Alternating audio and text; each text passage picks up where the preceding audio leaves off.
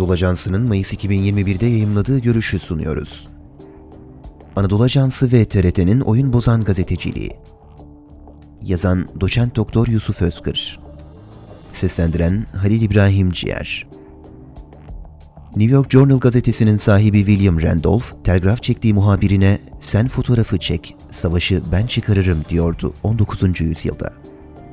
Gazetecilikte görüntünün ve göstergenin ne kadar önemli olduğunu anlatan en belirgin örneklerden biridir bu anlatı. Aslında işaret ettiği şey imgenin önemidir. İsrail'in bir taraftan Filistin'de katliam yaparken diğer taraftan medyaya yönelik saldırılarını üst seviyeye çıkarmasının arkasında da bu gerçeklik bulunuyor. İsrail işlediği savaş suçlarını, gerçekleştirdiği katliamları ne kadar saklayabilirse ve hakikati anlatan içeriklere ne kadar kurşun sıkabilirse o oranda haklı kalabileceğine inanmış durumda. İsrail bu yüzden katliamlarıyla eş zamanlı şekilde medyayı susturmanın ve göstergelerin dolaşıma girmesini engellemenin peşinde. Bu doğrultuda pek çok örnek dünyanın gözü önünde cereyan etti.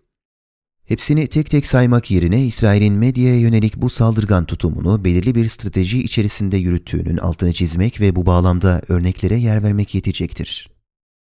İletişim ve enformasyon akışının kesilmesi İsrail'in Filistin'de gerçekleştirdiği saldırılar pek çok açıdan tarihe kara bir leke olarak geçiyor. Bunların başında kuşkusuz sivil katliamı var.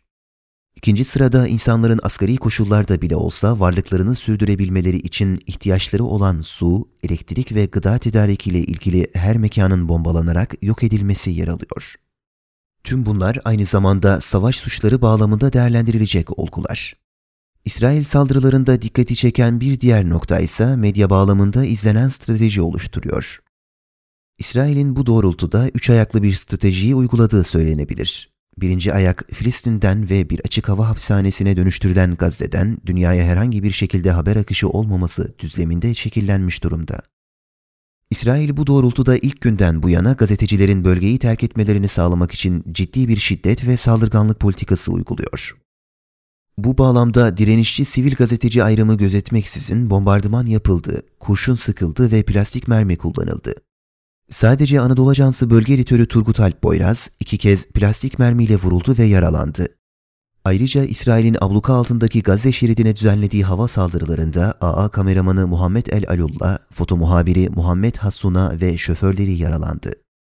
İsrail benzeri şekilde TRT Arapça'nın Gazze'deki ofisini de bombaladı ve TRT Arapça muhabirleri bu saldırılarda ağır yaralandı. Medyanın bombalanması İsrail 15 Mayıs'ta medyayı susturma yönündeki saldırganlığını Gazze'de yer alan ve içinde ABD merkezi haber ajansı Associated Press ve Katar merkezi El Cezire televizyonunun bürolarının bulunduğu binayı bombalayarak devam ettirdi. Uluslararası yayın yapan iki medya kuruluşunun büroları dışında 60 daireden oluşan bu binada avukatlık ve doktorluk bürolarının yanı sıra Gazze'nin büyük bir kesimine internet imkanı sağlayan kuleler de yer alıyordu. Böylece bu bombardımanla birlikte İsrail Gazze'den dışarıya bilgi ve enformasyon çıkmasını engelleme ve Gazze'nin iletişimini dünyaya kapatma konusunda bir adım atmış oldu. Dezenformasyon makinesi İsrail'in medyaya yönelik ikinci stratejisini dezenformasyon bombardımanı oluşturuyor. Kendi kontrolü dışındaki medya kuruluşlarını ve bağımsız gazetecileri susturma, bölgeden uzaklaştırma, teknik imkanlarını bombalama ve doğrudan hedef olarak yok etme çabasına ek olarak İsrail dezenformasyon makinesini de çalıştırıyor. Aralarında Reuters, BBC, New York Times, The Guardian, CNN ve Agence France Presse gibi meşhur kuruluşların bulunduğu küresel yayın organlarının İsrail'in çıkarlarıyla uyumlu haberciliği artık net şekilde bilinen bir konu. İsrail'in işgalini ve katliamlarını görmeyen küresel medya organları içeriklerinin söylemini problemin merkezine Filistinlileri koyarak kurguluyorlar. Sosyal medya şirketleri Üçüncü bir boyutuysa sosyal medya şirketleri oluşturuyor. İsrail küresel bağlantıları ve Siyonist lobileri aracılığıyla kendisi aleyhine sosyal medyada yer alan içeriklerin dolaşımını engelleme konusunda da bu şirketlerle işbirliği içinde.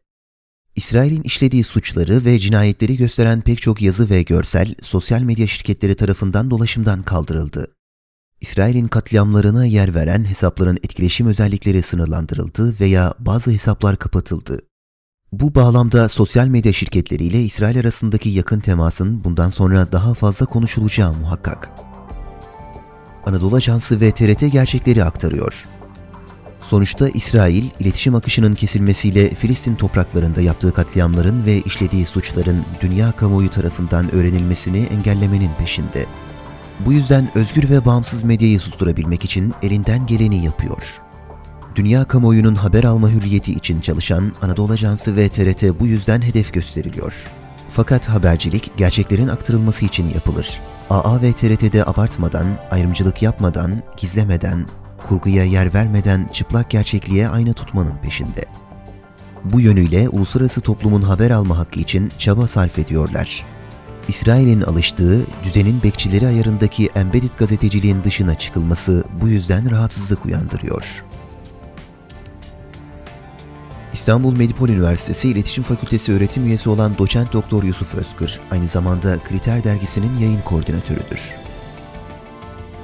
Spotify, SoundCloud, Apple Podcast ve diğer mecralardaki podcastlerimizi dinlediğiniz için minnettarız. Lütfen abone olmayı unutmayın.